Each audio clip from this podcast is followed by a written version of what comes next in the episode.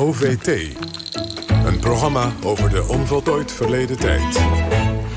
De Gouden Eeuw, Nelleke had het er al over. Mag die beroemde en beruchte Vaderlandse eeuw nog zo genoemd worden? Er is veel over te doen geweest. Een museum als het Amsterdam Museum heeft de term officieel ingeruild... voor het meer neutraal geachte 17e eeuw. En het Rijksmuseum houdt er nog even aan vast.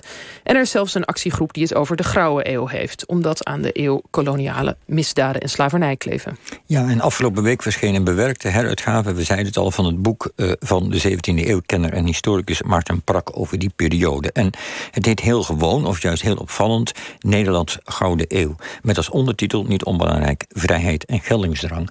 En Maarten is hier. Maarten, welkom. Je raadt al wat de eerste vraag is. Uh, heb je nog, uh, althans ik denk dat je dat raadt, wel een vermoeden hebt... heb je geaarzeld over... Uh, je hebt het boek opnieuw geschreven. Heb je nog geaarzeld over de titel De Gouden Eeuw? ja, natuurlijk. Nou, daar heb ik uitvoerig over nagedacht. En in alle eerlijkheid, ik aarzel nog steeds. Het probleem van de discussie is onder andere dat als je hem niet meer gebruikt, maak je ook een statement. Hè? Je kan niet, er is geen neutrale positie meer op dit moment. Uh, dus eigenlijk uh, wil ik je vraag zo uitleggen uh, als waarom heb je besloten om hem toch te gebruiken, ondanks al die kritiek. Ik vind het fijn dat jij de vraag een beetje aanscherpt. Ja, dat helpt. Ja. ja. uh, nou, daar wil ik even de tijd voor nemen. Dus ik hoop dat ik die ook kan krijgen. Uh, ik wil vooropstellen dat uh, ik niet het fenomeen slavernij... of de slavenhandel of de betrokkenheid van Nederland daarbij wil bagatelliseren. Die wordt in het boek uitvoerig uit de doeken gedaan. Sterker is een apart hoofdstuk. Uh, dat heet Vrijheid tegen de klippen op. En daarin uh, stel ik de vraag waarom een land dat uh, het begrip vrijheid zo in het vaandel voerde... en desalniettemin op grote schaal meedeed aan uh, de vrijheidsberoving... die slavernij en slavenhandel in wezen is. De reden waarom ik toch uh, besloten heb om aan die term toe, vast te houden... is, ik denk, tweeërlei. De eerste en misschien wel belangrijkste reden is dat ik denk dat hij over veel meer gaat dan alleen dit. En vaak wordt gezegd, ja, de Gouden Eeuw is een term uit de 19e eeuw. Dat klopt grotendeels.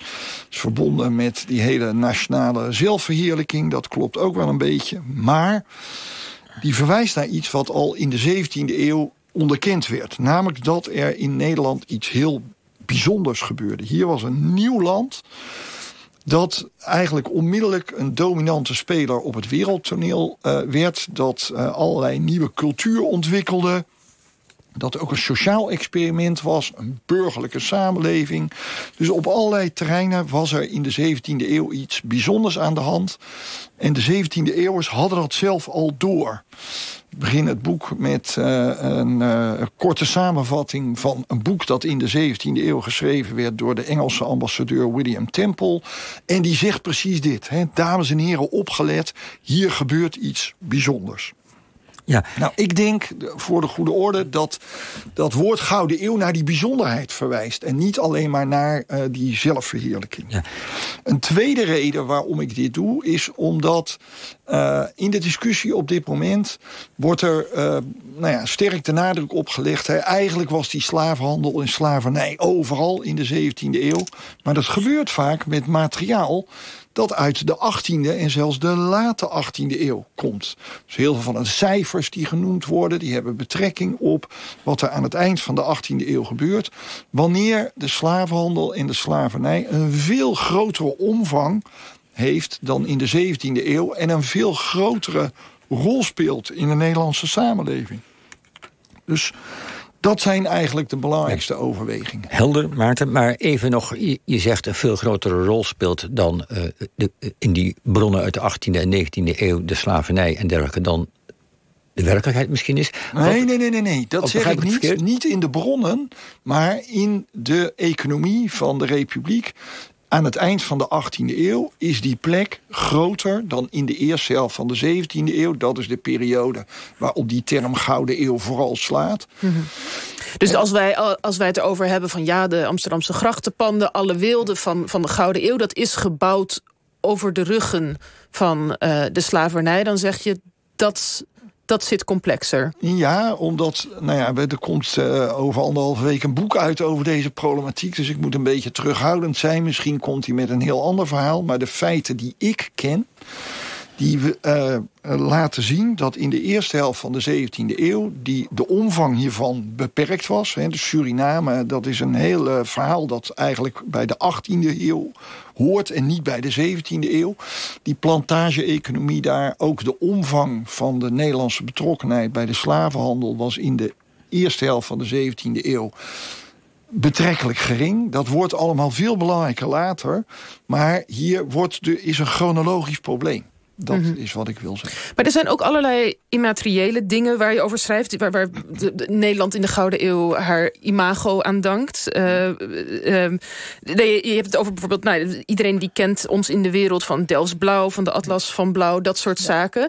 Uh, dingen die onlosmakelijk verbonden zijn... met het kolonialisme en de koloniale handel. Ja, maar niet uh, daarmee automatisch met de slavernij en de slavenhandel. En voor de goede orde, Dels Blauw is uh, um, uh, imitatieproduct van China. Helemaal niet van Indonesië. Wel door de VOC aangevoerd. Maar niet alles wat de VOC deed was gelijk aan slavernij en slavenhandel. dus ook hier is het verstandig, denk ik, om nou ja, toch een beetje de uh, onderscheiden te maken. Dus een van de dingen die ik uit de doeken doe, is dat in de 17e eeuw bijvoorbeeld, uh, een van de achtergronden van die slavernij en slavenhandel was een gebrek aan respect voor andere culturen. Maar dat gold niet alle niet-Europese culturen. Bijvoorbeeld, de VOC bedreef handel met Japan. En er was geen sprake van dat daar zeg maar, dingen als slavernij en slavenhandel in het uh, geding waren. Want de VOC was niet in de positie om de Japanners op die manier in de tang te nemen. Maar ook hadden ze veel respect voor de Japanse cultuur. Uh, dat lag heel anders in Afrika. Hè. Daar was geen enkel respect voor. En er was ook een beeld van, nou ja, daar kan je eigenlijk je gang wel gaan. Ja, je, je beschrijft in je boek, dus je besteedt veel aandacht aan deze kwesties... omdat dat vastzit aan die term wel of geen gebruik van Gouden Eeuw. Laten we toch even naar iets anders toestappen. Namelijk dat je ook schrijft, het is natuurlijk een geweldige eh, gebeurtenis. Er gebeurt heel iets bijzonders met dat land. Van binnen wordt het in zekere zin toleranter dan elders in de, in de wereld. Er is heel veel hoge, mooie cultuur. Maar je schrijft ook, en dat intrigeert mij... we zijn ook een landje wat van binnen mooi is, maar van buiten uitermate agressief. Ja. Vertel eens, wat bedoel je daarmee? Waren wij een gevaar voor de wereldvrede? In, uh, in zekere zin ja. dus uh, ik, een van de dingen die ik probeer te doen in het boek... is te laten zien dat die uh, successen gebaseerd waren... op een systematische en welbewuste toepassing van geweld.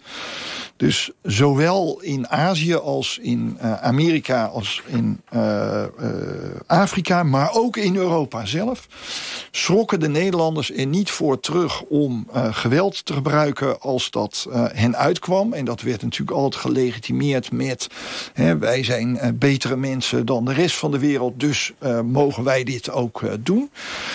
Uh, maar inderdaad is de, uh, de, het verhaal van het boek...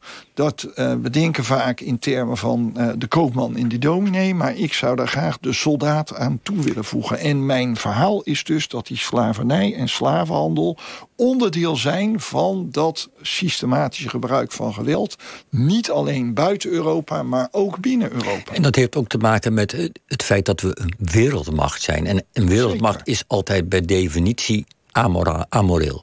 De, nou, dat, dat, laatste gaat me nou een stap te ver. Maar dat die geweld gebruiken is zeker. En ook dat ze dat gebruiken voor een moreel verhaal. Ja. Net als de Amerikanen. Waar ik wel benieuwd naar ben, je zegt... ze hadden zelf door, hè, die Gouden Eeuwers... dat er iets bijzonders gebeurde. Ja hadden ze dat ze iets groots iets aan het verrichten waren. Nou ja, wat, daar gaan we het even, dat is bekend inmiddels min of meer.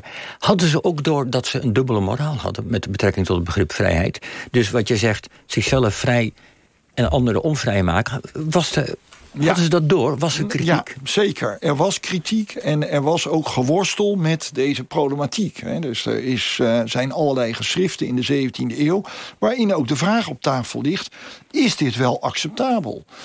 Nou ja, en een aantal van die mensen, onder andere dominees, uh, komen tot de conclusie... nou, hè, je ziet ze worstelen met die problematiek... en dan zeggen ze, ja, dat is wel oké... als je het tenminste alleen maar doet tegenover mensen die geen christenen zijn... en je moet ze ook wel goed behandelen. Ja. dat speelt. Uh, Maar ook dan hè, is niet alles toegestaan. Je kan niet zomaar uh, iedereen van alles aandoen. Ja. Over die morale, uh, dubbele moraal gesproken. Minister Blok heeft een inval uh, zaak gespannen tegen Assad. Waarvan de Nederlandse overheid stiekem aan jihadisten wapens geeft. En met die wapens gaan ze niet op vakantie. Ze vechten ook tegen burgers. Ze vermoorden ook burgers, maar ook militairen. Van beide kanten gaan via mensen dood. Ja. Het is precies 1988 met Saddam hetzelfde gebeurd. Hebben ze chemische wapens verkocht. En dan uiteindelijk de internationale politiek is geen mooi... Het is, is niet mooi. Ik, ik, wil even toch nog terug naar Maarten Reber, bedankt. Um, jouw boek heb je geschreven, als je het in een paar zinnen moet zeggen... om ons bij de les te brengen dat we een wereldmacht waren... en een agressief landje, dat we ook zo naar die Gouden Eeuw moeten kijken. Nou ja, dat is een deel van het verhaal. Hè? Maar voor de goede orde niet het hele verhaal. Het was ook een land van welvaart, van culturele vernieuwing... van een zekere mate van tolerantie... Uh, kortom, uh, uh, laten we het niet alleen maar ja. aan die zelfkastijding doen. Maar let ook op de soldaat. Dat is Zeker. Prima, dank Maarten Prak. En het boek heet dus Nederlands Gouden Eeuw, Vrijheid en Geldingsdrang. En het ligt in de winkel. Tot zover